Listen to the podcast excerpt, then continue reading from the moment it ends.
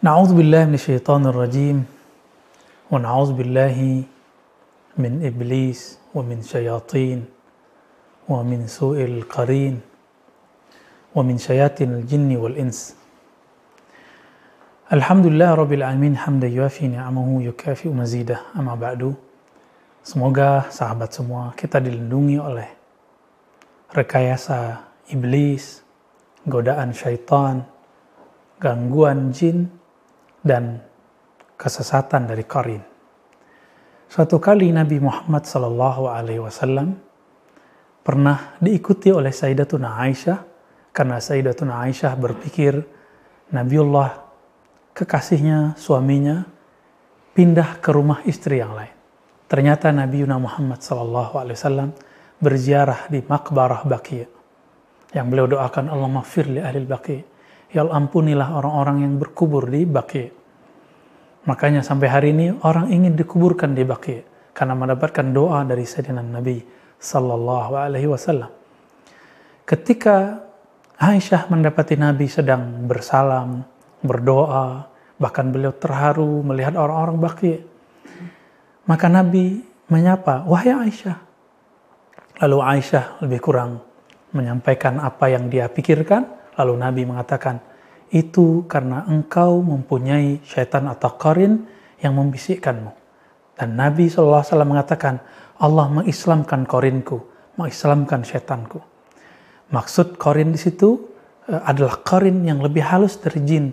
Syaitan di situ maknanya juga korin. Karena syaitan pada hakikatnya tidak pernah Islam. Apa dalilnya?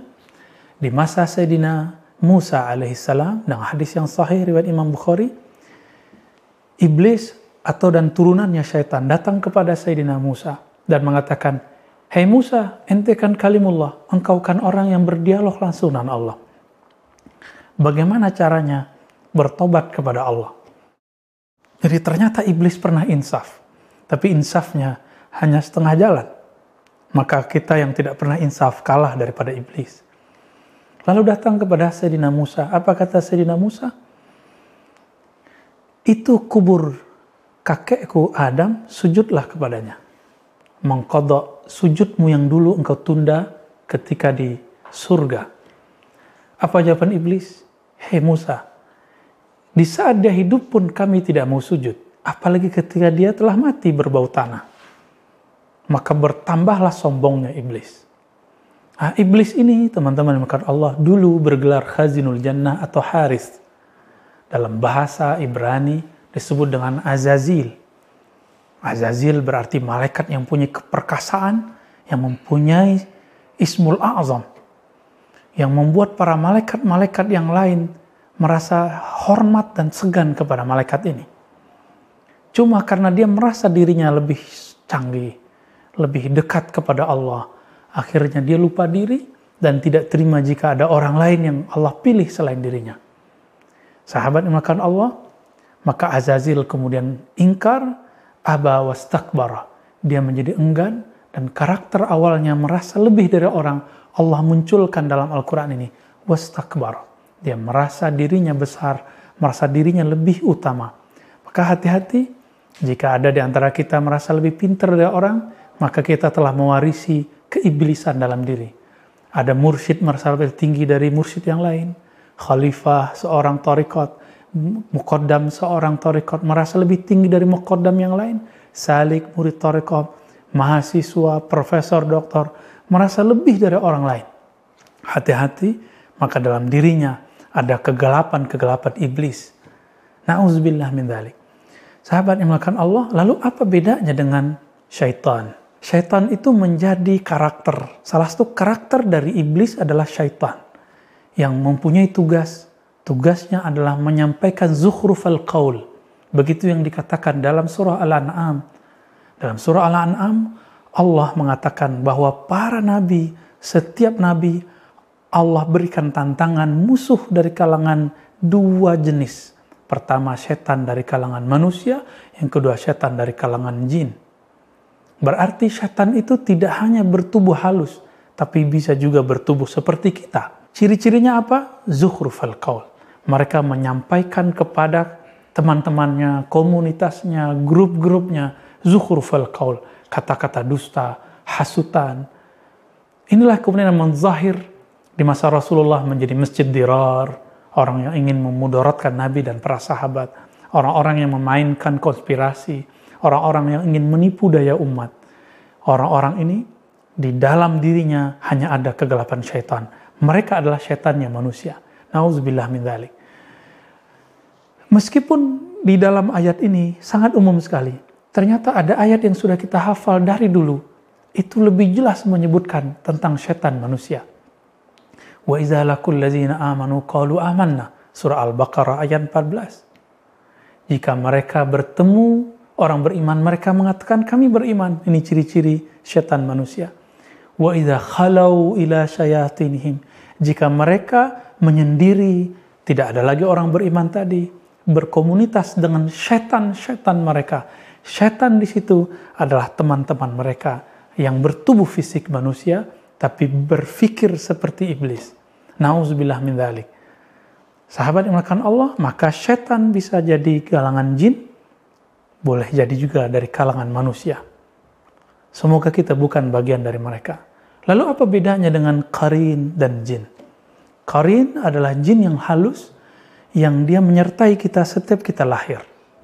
Nabi juga ada korinnya. Inilah korin yang diislamkan oleh Allah SWT pada Nabi. Maka korinnya Rasulullah telah diislamkan. Sebenarnya Nabi juga mengislamkan korin-korin para sahabat. Begitu juga di akhir zaman. Korin-korin itu ada tetap dan mereka masih hidup. Jadi korin-korin ini Allah panjangkan umurnya. Lalu sahabat yang makan Allah. Jin itu sendiri apa? Jin itu bahasa Arab yang berarti makhluk halus yang tidak terlihat oleh kasat mata.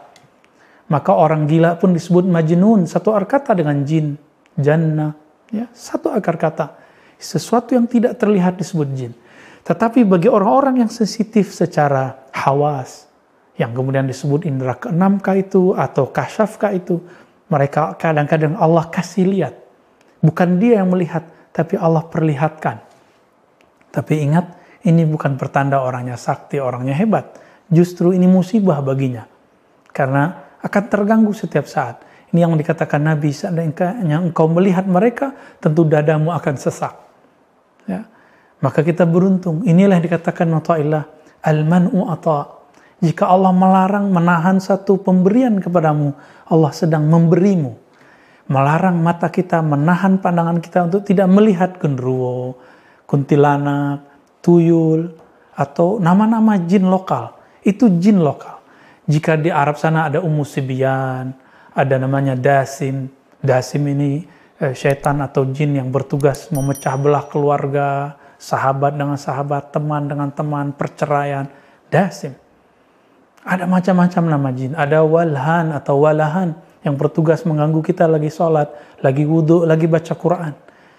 Jika saya, antum semua merasakan ragu lagi sholat, ragu lagi wudhu, berarti walahan sedang bekerja. Coba baca kalimat ini. A'udzubillah rajim, bismihi walhan. Aku berlindung kepada Allah dari setan yang dirajam, yang bernama walhan atau wilhan. Insya Allah, syaitan ini akan pergi. Nah, inilah perbedaannya Iblis adalah rajanya, asal dari semua ini. Pengikut-pengikut iblis ini namakan setan. Setan itu ada yang halus dari jin, ada yang berfisik seperti kita, manusia. Lalu ada korin dan jin biasa. Korin yang halus menyertai kita. Inilah yang kadang membisikkan yang tidak benar. Inilah yang membuat kadang ada orang mengalami penyimpangan seksual, berpikir, berkhayal yang tidak benar. Sedangkan jin yang lain itu jin yang kadang-kadang dia punya urusan sendiri atau kadang mengganggu kita. Wassalamualaikum warahmatullahi wabarakatuh.